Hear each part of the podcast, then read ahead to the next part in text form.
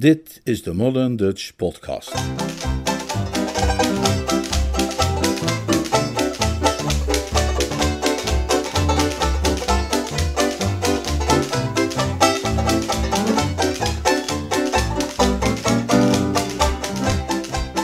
Een man van eer.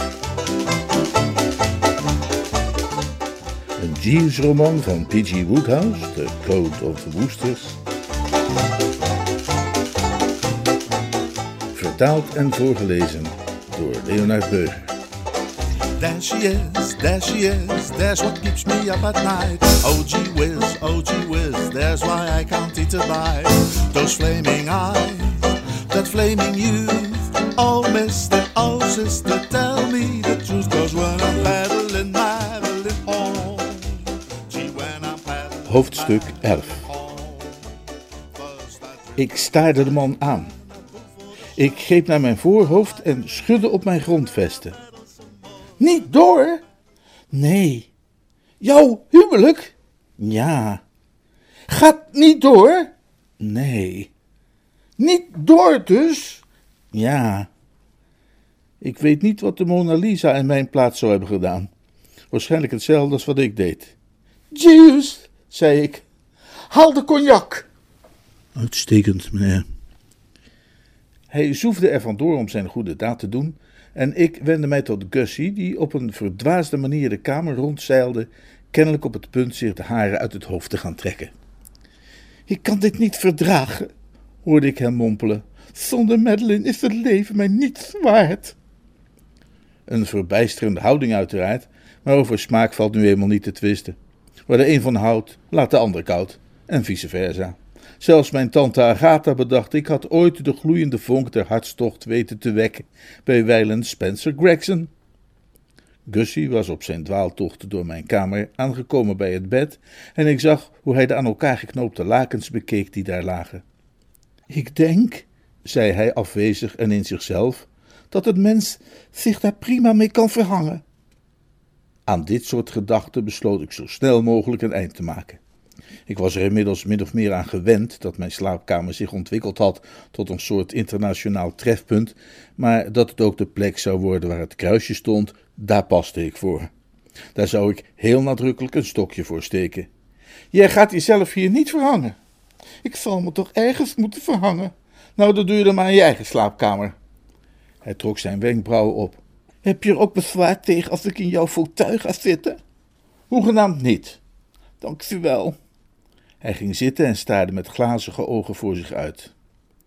Oké, Gussie, zei ik, dan zal ik nu jouw verklaring opnemen. Wat is dat voor geleuter over een huwelijk dat niet door zou gaan? Dat gaat ook niet door. Maar heb je haar dat notitieboekje dan niet laten zien? Ja, ik heb haar dat notitieboekje laten zien. En heeft ze gelezen wat erin stond? Ja. Mooi. Maar kon ze dan niet eh tout comprendre? Jawel. En tout pardonner? Ja. Dan moet je toch een paar dingen door elkaar gehaald hebben. Want het is onwaarschijnlijk dat in dat geval jullie huwelijk niet door zou gaan. Toch gaat het niet door, dat zeg ik toch. Je denkt toch niet dat ik niet zou weten of mijn eigen huwelijk wel of niet doorgaat. Sir Watkin heeft het verboden. Dat was een onvoorziene wending. Waarom? Hebben jullie ruzie gehad of zo? Ja, over salamanders. Hij vond het niet fijn dat ik die in het bad had gedaan. Jij had salamanders in het bad gedaan? Ja. Als een geslepen advocaat in een kruisverhoor haakte ik daar scherp op in. Waarom? Zijn hand leek zich met gekromde vingers naar zijn haardos te bewegen. Het aquarium was lek. Het aquarium in mijn slaapkamer. Het aquarium waar ik mijn salamanders in houd. Ik had het glas gebroken. En het bad was de enige plek waar ik mijn salamanders tijdelijk kon onderbrengen. De wastafel was niet groot genoeg. Salamanders hebben armslag nodig. Daarom had ik ze in het bad gedaan. Omdat ik het glas van het aquarium had gebroken. Het aquarium in mijn slaapkamer. Het aquarium waar ik mijn salamanders... Ik voorzag dat als ik niet ingreep, hij op deze manier schier eindeloos zou kunnen doorgaan. Dus ik riep hem tot de orde door een ferme tik te geven met een porseleinen vaas op de schoorsteen. Ik snap het, zei ik en veegde de scherven in de open haard. Ga verder. Hoe raakte pa Besseter dan bij betrokken? Die wilde een bad gaan nemen. Het was niet bij me opgekomen dat er zo laat op de avond misschien nog iemand in bad zou willen gaan. Ik was beneden in de salon toen hij begon te gillen van Madeline, die vervloekte vinknossel heeft mijn bad vol met kikkervisjes gegoten. En ik ben bang dat ik op dat moment een beetje mijn kalmte verloor. Ik riep, oh sacrelu, je oude gek, kijk toch uit wat je doet met die salamanders. Niet aanraken, ik zit midden in een belangrijk experiment. Juist ja, en toen? Ik begon hem uit te leggen dat ik probeerde te ontdekken hoe de volle maan het liefdesleven van de watersalamander beïnvloedt. Maar er kwam een hele vreemde blik in zijn ogen en hij rilde een beetje. En toen zei hij tegen me dat hij de stop eruit had getrokken en dat al mijn salamanders door het putje waren gespoeld. Volgens mij had Gusje zich op dit moment het liefst op het bed laten vallen met zijn gezicht naar de muur. Maar ik hield hem bij de les. Ik wilde per se weten hoe het zat. Hoe reageerde jij daarop? Ik heb hem flink op zijn vestje gespuugd. Alle scheldnamen die ik kon bedenken heb ik hem toegevoegd. Sterker nog, er waren scheldwoorden bij waarvan ik niet eens wist dat ik ze kende. Die kwamen spontaan uit mijn onderbewuste omhoog. Aanvankelijk werd ik nog een beetje afgeremd door het feit dat Madeline erbij was, maar hij stuurde haar al gauw naar bed en daarna kon ik me dus echt goed laten gaan. Toen ik tenslotte even ophield om adem te halen, trok hij zijn toestemming voor ons huwelijk in en ging er vandoor. En ik belde om Butterfield en liet mijn glas sinaasappelsap brengen. Daar keek ik van op. Sinaasappelsap? ik had wel even een hartversterking nodig. Ja, maar sinaasappelsap op zo'n moment had ik gewoon even nodig. Ik haalde mijn schouders op. Hm, tja, zei ik. Het was maar weer eens een bewijs van wat ik altijd zeg. Je hebt mensen in alle soorten.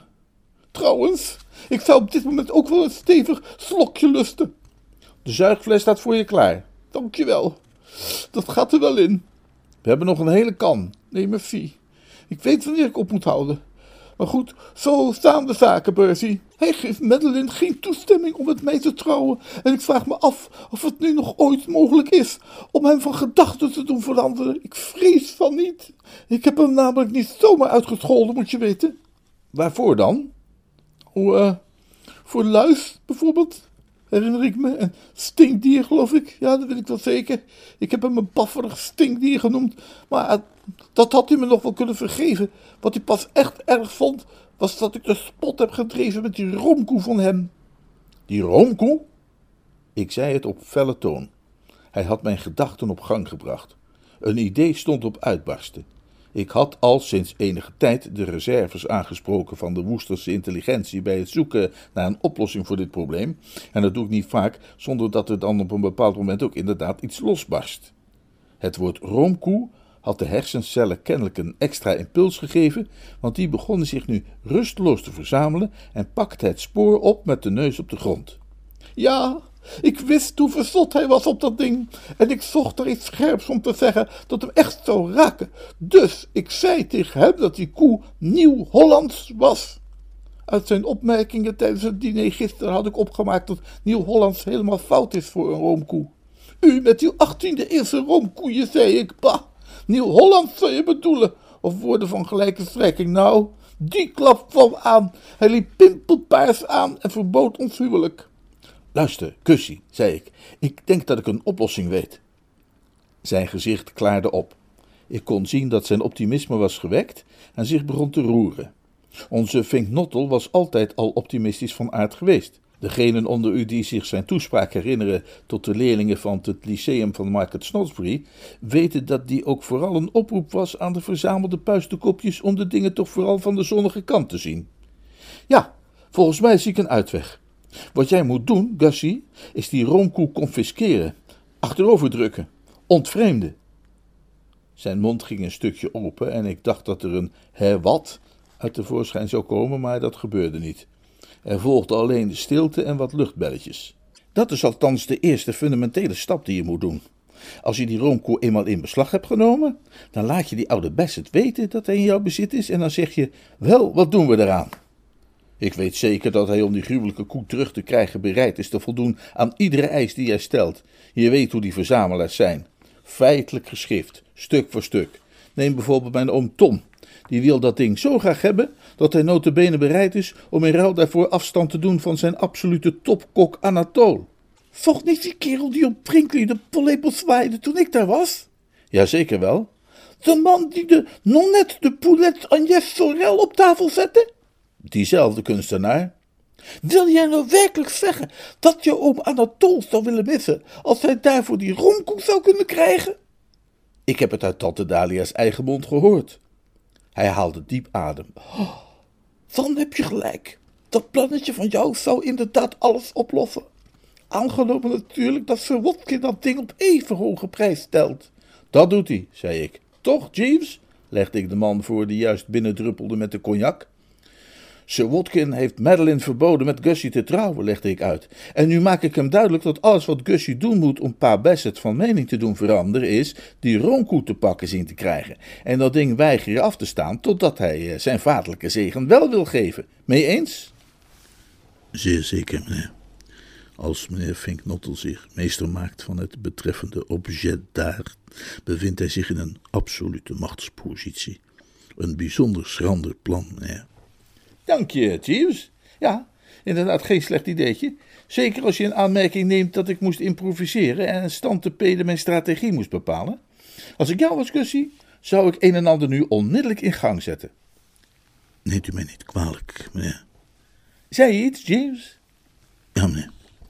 Ik wilde de heer Finknotel er graag even op wijzen dat alvorens uw plan ten uitvoer kan worden gelegd, er een zeker obstakel dient te worden uit de weg geruimd.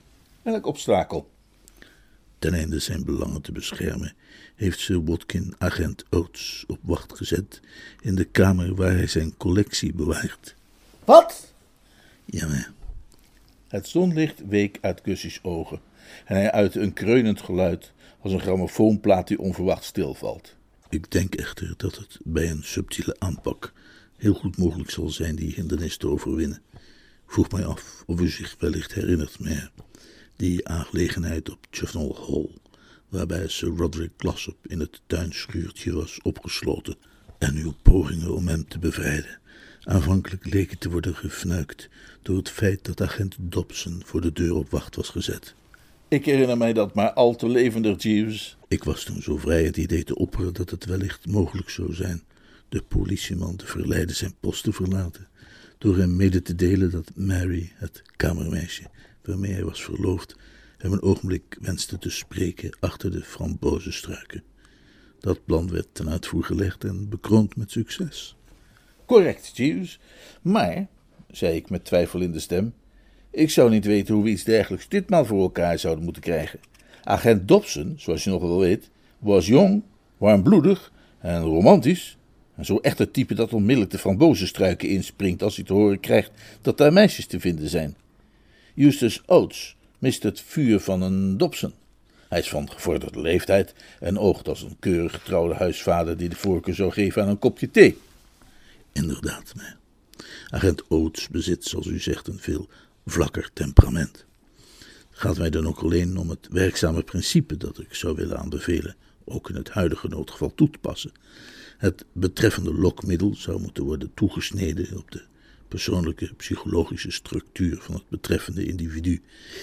Mijn voorstel is daarom dat de heer Finknottel de politieman zou melden dat hij diens helm heeft aangetroffen in uw bezit.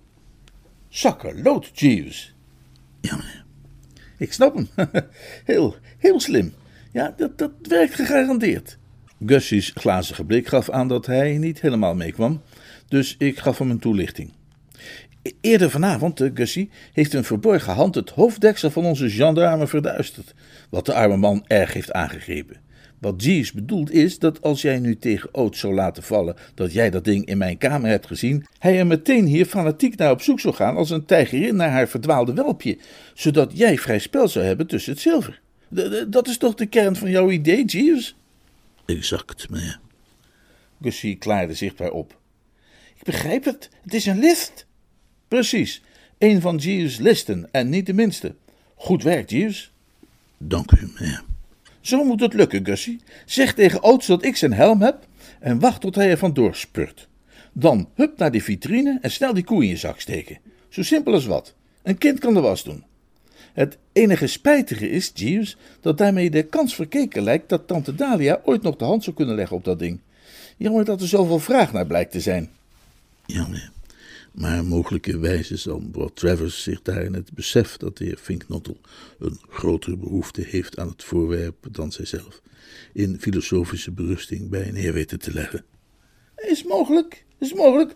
Anderzijds misschien ook niet. Maar goed, in dit soort gevallen waarbij de belangen van verschillende individuen botsen, moet er tenslotte altijd iemand aan het kortste eind trekken.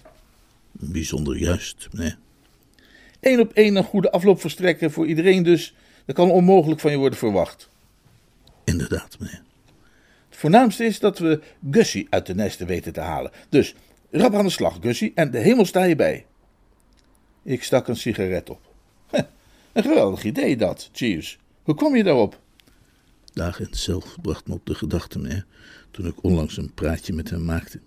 Uit wat hij zei maakte ik op dat hij in feite u ervan verdenkt zijn helm te hebben ontvreemd. Mij? Waarom is hemelsnaam mee? Ik ken hem al nauwelijks, zeg. Ik dacht dat hij Stiffy verdacht. Oorspronkelijk wel, meneer. En hij is nog altijd van mening dat het plan tot de diefstal van mevrouw Bing is uitgegaan. Hij is er inmiddels echter van overtuigd dat zij een mannelijke medeplichtige moet hebben, die het ruwe werk heeft gedaan. Sir Watkin, naar ik heb begrepen, steunt hem in deze opvatting. Ik herinnerde mij plotseling de openingspassage van mijn gesprek met pa Bassett in de bibliotheek en begreep nu eindelijk waar hij heen had gewild. Op dat moment hadden zijn opmerkingen mij loze praatjes geleken, maar nu besefte ik welke sinistere ondertoon zijn woorden hadden bezeten. Ik had gedacht dat we alleen als mannen onder elkaar wat hadden heen en weer gekeuveld over de laatste neeltjes, terwijl ik in feite werd onderworpen aan een verhoor, CQ gerechtelijk vooronderzoek. Maar waarom denken die twee dat ik die mannelijke medeplichtige ben geweest? Veronderstel dat de politieman getroffen werd door de hartelijke verhouding die hij meende te constateren tussen mevrouw Bing en uzelf, toen hij u beiden deze middag ontmoette langs de weg.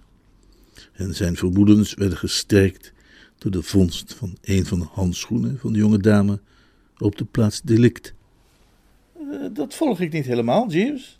Hij veronderstelt dat u gecharmeerd bent van mevrouw Bing, en meent dat u wellicht haar handschoen op het hart droeg. Als ik hem op mijn hart droeg, hoe kon ik hem dan hebben laten vallen? Zijn opvatting is dat u hem tijdelijk tevoorschijn had gehaald om hem tegen uw lippen te drukken, meneer. Nou, nou, nou, Jeeves. Wie gaat er nou handschoenen tegen zijn lippen lopen drukken op het moment dat hij een politie helemaal aan het jatten is? Kennelijk heeft de heer Pinker dat gedaan, meneer. Ik wilde hem juist gaan uitleggen dat wat onze brave stinker in een bepaalde situatie zou doen en wat een gewoon normaal mens met een onsje meer hersens dan een koekoeksklok zou doen, twee volkomen verschillende dingen waren, toen ik werd onderbroken door de terugkeer van Gussie. Aan de montere manier waarop hij zich gedroeg was te zien dat de zaken naar wens waren verlopen. Jeeves had gelijk, Bertie, zei hij. Hij heeft de film van Justus Oates weten te lezen als een boek. Dus hij reageerde wel op wat je hem vertelde. Ik heb zelden zo'n fel reagerende politieagent gezien. Het liefste had hij zijn post direct verlaten en was hij meteen hierheen gewend. En waarom deed hij dat dan niet? Hij kon zichzelf er niet toe brengen omdat Sir Watkin hem zo dringend bevolen had op zijn post te blijven. Nou, dat kon ik volgen qua psychologie. Het was net als met de knaap die stond op het vurig dek en elk was reeds gevlogen. En dan is nu de procedure, neem ik aan, dat Oates een en ander meldt bij Pa Bassett en toestemming vraagt om er tegenaan te mogen gaan. Ja, ik verwacht dat hij binnen een paar minuten voor je neus staat. Dan moet jij nu maken dat je wegkomt. Je kunt het beste in de hal op de loer gaan staan. Meteen, ik kwam alleen even verslag uitbrengen. Zorg dat je klaar staat om de zilverkamer binnen te glippen zodra Oates zijn hielen gelicht heeft. Kom voor elkaar, vertrouw op mij. Het komt helemaal in orde. Wat, wat een geweldig idee van jou, Jeeves. Dank u, meneer. Je kunt je niet indenken hoe opgelucht ik mij voel in het besef dat alles over vijf minuutjes in orde is. Het enige waar ik nu wel een beetje spijt van heb, zei Gussie nadenkend, is dat ik die oude Bassett dat notitieboekje gegeven heb. Hij deed die gruwelijke mededeling dermate terloops dat het een paar seconden duurde eer de betekenis ervan tot me doordrong. Maar toen dat gebeurde, ging het dan ook een afgrijselijke schok door mijn hele corpus. Het was alsof ik ontspannen achterover had geleund in de elektrische stoel en de autoriteiten opeens de stroom hadden ingeschakeld. Jij hebt hem dat notitieboekje gegeven? Ja, Op het moment dat ik bij hem wegging, bedacht ik dat er nog een heleboel scheldwoorden in stonden waar ik tijdens ons gesprek niet aan toegekomen was. Ik hield mij in evenwicht door met trillende hand de schoorsteenmantel vast te grijpen. Jezus, Meneer. meer cognac. Ja, meneer. En niet in van die kleine glaasjes, alsof het radium was. Breng het hele vat. Gussie keek mij aan met een lichte verbazing in de ogen. Is er iets, Bertie? Is er iets? Is er iets? Ik lachte een vreugdeloze lach. Ha, nou ja, zeg, dit doet toch de deur dicht. Hoe bedoel je? Hoezo? Snap je dan niet wat je hebt gedaan, onnozele sukkel? Het heeft nu geen enkele zin meer om die roomkoe te stelen. Als pa Bassett de inhoud van dat boekje gelezen heeft, is er niets meer dat hem nog tot reden kan brengen. Hoezo niet? Je hebt toch gezien hoe Spoot daarop reageerde? Ik denk niet dat pa Bassett er veel vrolijker van wordt dan Spoot als hij dat soort harde waarheden over zichzelf leest. Maar die harde waarheden had ik hem toch al lang verteld. Ik heb je toch gezegd hoe ik hem de mantel heb uitgeveegd? Jawel, maar daar had je nog wel mee weg kunnen komen. hè? Neem het mij toch niet kwalijk, alsjeblieft. Eh, ik had het niet zo bedoeld, in de hitte van het gesprek. Ik, heb het te veel laten gaan, dat soort van dingen. Maar, maar kille, weloverwogen kritiek van dag tot dag zorgvuldig genoteerd in een boek, dat is weer heel iets anders. Ik zag dat het eindelijk tot hem begon door te dringen. Zijn gezicht hernam die groenige tint. Zijn mond ging open en dicht als die van een goudvis die een andere goudvis er vandoor ziet gaan met het mierenei waar hij juist het oog op had laten vallen. Oh, hemels, Ja, wat moet ik doen? ik weet het niet. Denk na, Bertie, denk na. Dat deed ik, grondig. En een idee viel mij dan ook te binnen. Ehm, zeg eens, zei ik, hoe was precies de afloop van die ordinaire ruzie? Jij, gaf hem dat boekje. Begon hij daar meteen in te lezen? Nee, hij stopt het in zijn zak. En had je de indruk dat hij nog steeds van plan was een bad te nemen? Ja, Dan moet je me dit zeggen. In welke zak stopt hij dat boekje? Ik bedoel, in de zak van welk kledingstuk? Wat had hij aan? zijn kamerjas. Denk nu even goed na, Vink Nottel. Droeg hij die kamerjas over zijn broek en zijn overhemd en zo? Ja, hij had een broek aan, dat viel me op. Dan is er nog hoop. Dan moet hij, nadat je wegging, naar zijn kamer zijn gegaan om zich uit te kleden. En hij was behoorlijk nijdig op dat moment, toch? Heel erg nijdig. Mooi. Mijn kennis van de menselijke persoonlijkheid, Gussie, zegt mij dat een nijdig man niet in zijn zakken gaat zoeken naar een notitieboekje om daar een stukje in te gaan zitten lezen. Een nijdig man gooit in die situatie zijn kleren aan de kant en beent rechtstreeks naar de salle de bain. Dat boekje zit vast nog in de zak van zijn kamerjas, die hij ongetwijfeld op het bed heeft gegooid of over een stoel. En alles wat jij hoeft te doen is even zijn kamer induiken en dat boekje tevoorschijn halen. Ik had verwacht dat dit stukje helder denkwerk een vreugdekreet zou oproepen en een uitbarsting van welgemeende dankbetuigingen. Maar in plaats daarvan schuifelde hij alleen wat twijfelachtig met zijn voeten. Zijn kamer induiken? Ja, Maar verduiveld. Wat, wat? Weet je zeker dat het niet anders kan? nee, natuurlijk niet. Juist. Maar zou jij dat niet voor me willen doen, Bertie? Nee, dat, dat doe ik niet. Een heleboel kerels zouden het wel doen, hoor. Om een oude schoolkameraad te helpen. Ja, een heleboel kerels zijn sukkels. Ben je dan de tijd vergeten op onze goede oude school? Ja, Weet je dan niet meer die keer dat ik mijn laatste reep chocola met jou heb gedeeld? nee. Nou, ik wel. En toen zei jij tegen mij dat als je ooit de gelegenheid zou hebben om ook iets voor mij te doen. Maar ja, als dat soort verplichtingen, die door sommige mensen als heilig worden gezien, als die voor jou zonder betekenis is, ja, dan valt er vreselijk niets meer te zeggen. Hij ijsbeerde een poosje heen en weer, wijfelend als de kat in het aloude spreekwoord, en haalde vervolgens een portretfoto van Madeleine Bassett uit zijn zak, waar hij ingespannen naar tuurde. Het leek hem de benodigde inspiratie te bieden. Zijn ogen lichten op en zijn gezicht kreeg een veel minder visachtige uitdrukking. Hij liep met grote passen de kamer uit om onmiddellijk weer terug te keren, de deur met geweld achter zich dichtslaande. Grote genade, Bertie. Zijn poot staat daar buiten. Nou en? Hij probeerde mij te grijpen. Hij probeerde jou te grijpen. Ik fronste de wenkbrauwen. Ik ben een geduldig mens, maar men kan het ook te ver drijven. Het leek ongelooflijk naar wat ik hem had toegevoegd dat Roderick Spoot nog altijd hier rondhing. Ik liep naar de deur en wierp die open. Het was precies zoals Gussie had gezegd. Daar lag hij op de loer. Hij zakte een beetje ineen toen hij mij zag. Ik sprak hem aan op kille en gestrenge toon. Kan ik iets voor jou doen, Spoot? Uh, uh, nee, nee, yes, uh, niks. Da dankjewel. Ga je gang, Gussie, zei ik en keek met waakzame blik toe hoe hij zich langs de menselijke gorilla wrong en aan het eind van de gang verdween. Vervolgens wendde ik mij tot Spoot. Spoot, zei ik met koele stem, ik had jou toch gezegd Gussie met rust te laten, of niet soms?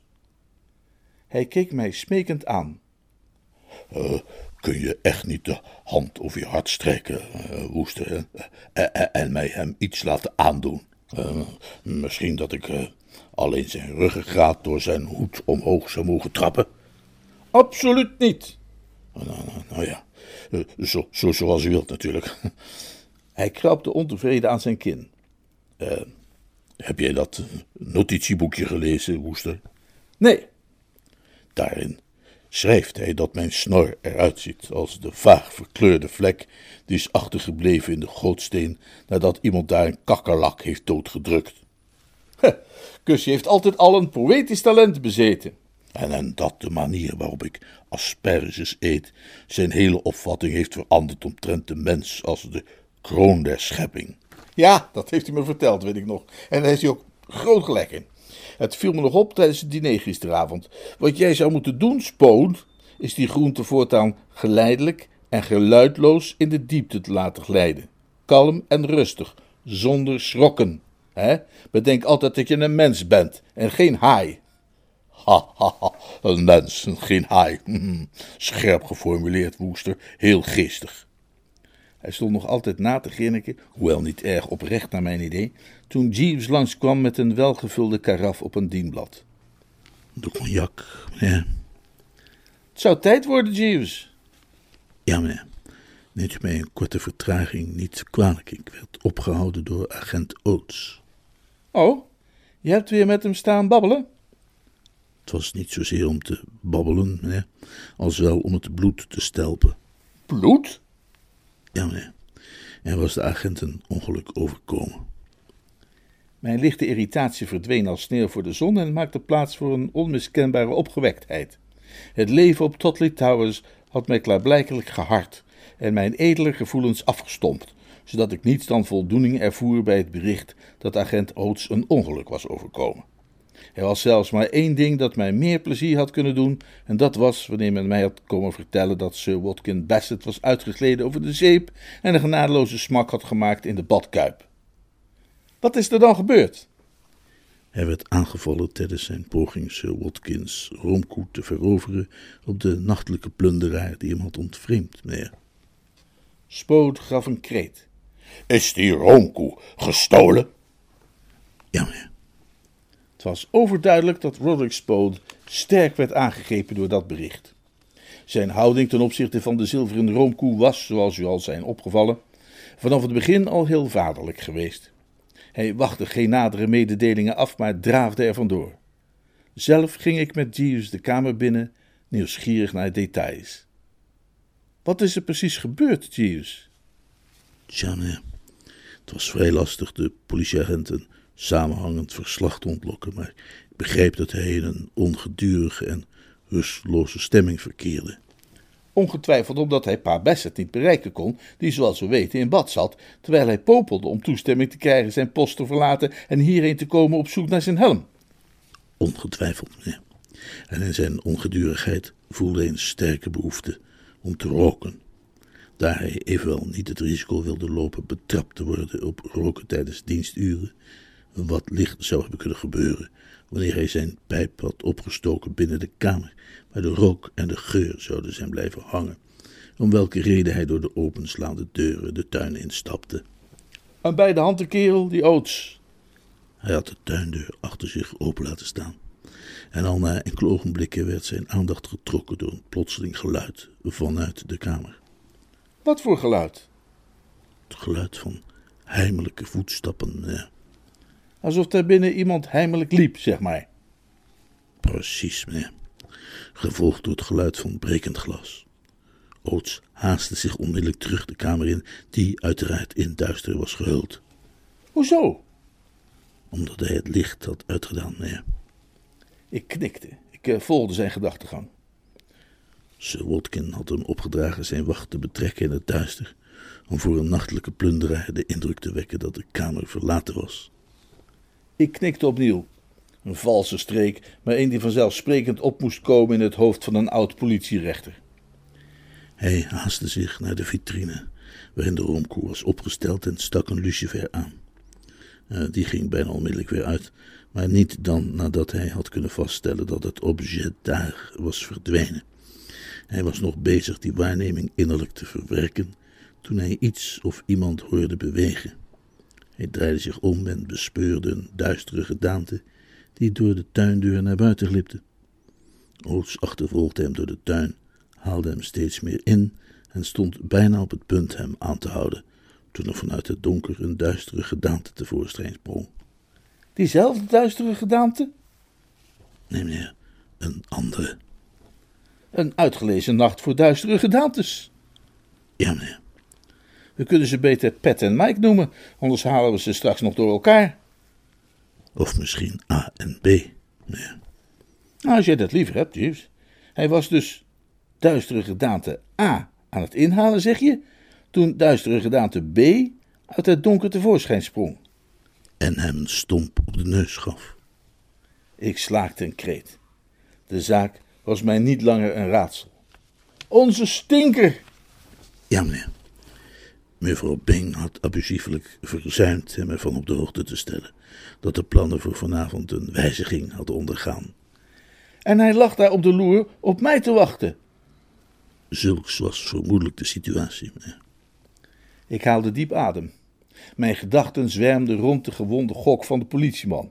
Het had niet veel gescheeld, het was die van Bertram Woester geweest. Die aanval leidde de aandacht van de agent af en degene die hij achtervolgde zag kans te ontsnappen. En wat gebeurde er met Stinker?